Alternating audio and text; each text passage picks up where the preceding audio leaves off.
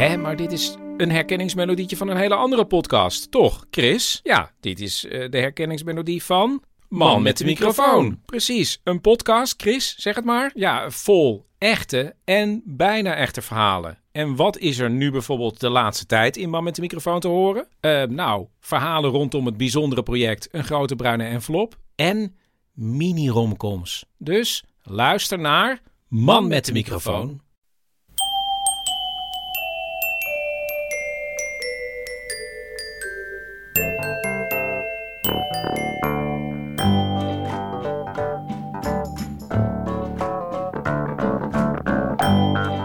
Welkom bij aflevering 345 van Echt Gebeurd, de podcast waarin mensen hun eigen waargebeurde verhalen vertellen, maar waarin ook af en toe iemand voorleest uit het dagboek dat hij of zij bijhield als puber.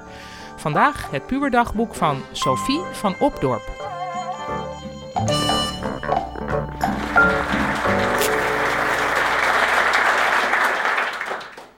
Mijn dagboeken. We beginnen op 19 eh, september 2003. Dan ben ik 12. Lief dagboek. Het is al bijna drie maanden geleden dat ik heb geschreven, maar ik had het echt zo super druk. Ik moest een musical oefenen en twee totaal verschillende rollen instuderen. En verliefd zijn natuurlijk. Want ik ben na Charmaine smoor verliefd geworden op een super lekker ding. Ik vond hem eigenlijk al lang leuk en aardig, alleen toen was ik nog niet verliefd. Alleen het probleem is, ik vind nog iemand leuk. Ik leid een raar leventje zo in de puberteit. Ik heb Joris, die andere jongen, de tweede zal ik maar zeggen, ook een mailtje gestuurd. Ik zal zo ongeveer opschrijven wat erin stond. Hallo Joris. Oh Joris, ik vind je leuk en ik heb er spijt van dat ik niet met je heb gezoend. Maar ik kan het gewoon niet. Ik kan het echt niet. Ik ben namelijk smoorverliefd op Roeland. Priscilla trouwens ook, dus daar ben je vanaf. Gewoon te verliefd om met jou te zoenen. Ik hoop dat je dat begrijpt. Mail gauw terug. Groetjes en geen kusjes dit keer.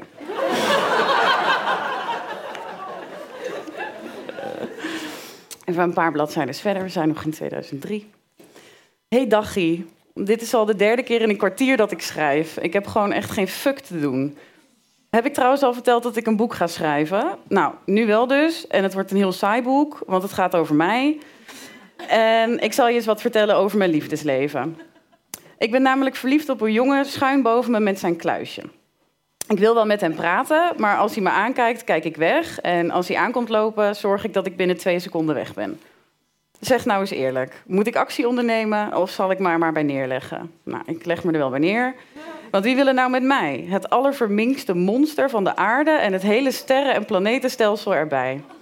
Ik vergeet hem en ik ontloop hem. Goed idee. Doei, Sophie. Ik heb trouwens dik vet gelogen tegen een meisje bij mij in de klas. Want ik heb verteld dat die leuke jonge briefjes met ik mis je erop in mijn kluisje stopt. Maar dat zijn allemaal verzinsels. Wat een super liegebeest ben ik zeg. De groeten, Sophie. Hey, dag schat. Ik ben echt in love met Erwin, man. En bij TMF kun je af en toe een sms'je sturen met jouw naam en die van je lover. En dan kan je zien hoeveel procent je matcht. En er staat ook commentaar bij. Nou, ik heb dus Erwin en Sophie gedaan en dit is het resultaat. Niet schrikken, want het valt erg tegen. De match is 52 procent. En het commentaar wat erbij stond, misschien heel voorzichtig een LAT-relatie.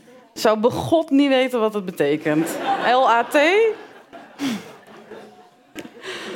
Gaan we door naar mijn uh, volgende dagboek. Ik heb lang geschreven. Dan zijn we in februari 2005. Ben ik inmiddels 13. Ten eerste wil ik wel even zeggen dat ik gewoon geen groentje meer ben. Yeah man, hihi. Ik wil nou niet zeggen dat degene waarmee ik gezoend heb een lekker ding is, want dat is dus echt even niet waar. Hij is kei lelijk en heeft een super stomme naam en het was heel vies. Bah.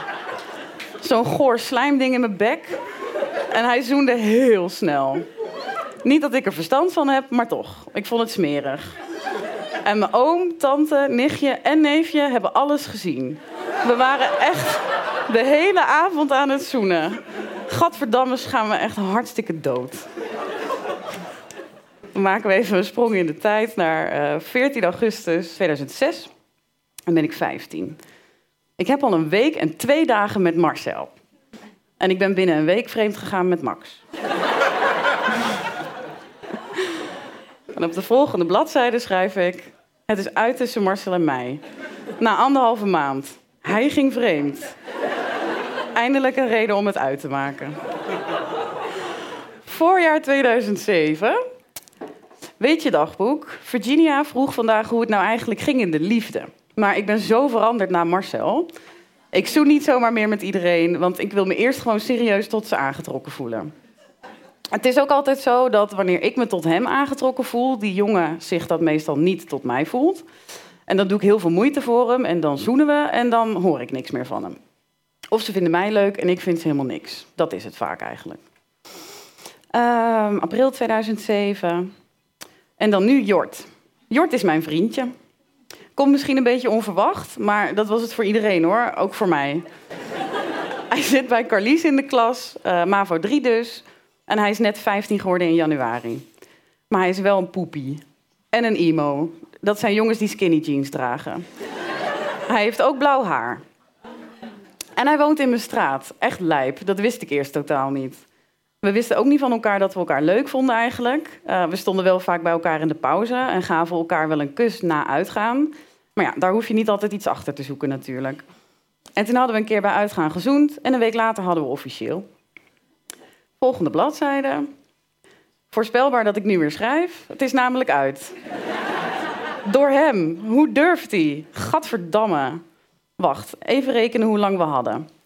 Nog één week en we hadden twee maanden. Mijn recorddagboek.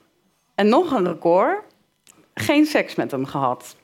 Helemaal niks gedaan zelfs. Ik voel me cool. En ook weer helemaal niet cool. Ik huil al de hele dag erdoor. Hoe die het uitmaakte ook, hè?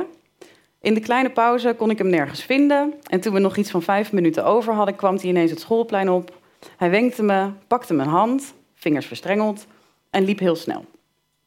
Het enige dat hij zei was: Kom, dit moet ik echt gezegd hebben. We moeten even ergens over praten.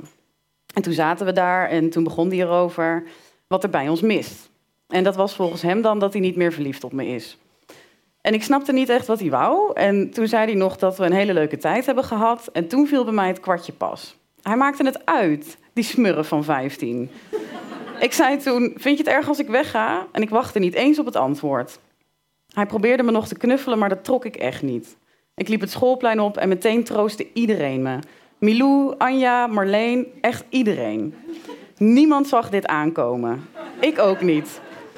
Bij het eerste beste probleem maakte hij het maar uit. Mietje. Ik gun hem niks meer. Niks. Uh, eh, 23 mei 2008. Uh, ik ben dan 17 geworden. Mijn piercing en ik zijn jaren geweest. Hij is 1, ik ben 17. En oma is dood. Zij was 81.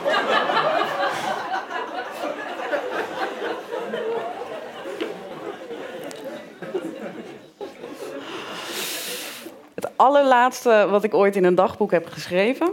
Dat was uh, in mei 2010, toen was ik 18. Ik ben alweer twee weken terug uit Cuba, waar al mijn dromen werkelijkheid zijn geworden. Ik snap niet wat ik in Nederland doe. Nou ja, ook weer wel. Carlo. Yep, we hebben een relatie. Ik wil nog steeds weg en dood, dus geen zorgen. Er is niets veranderd. Behalve dan dat ik eindelijk gelukkig ben in de liefde.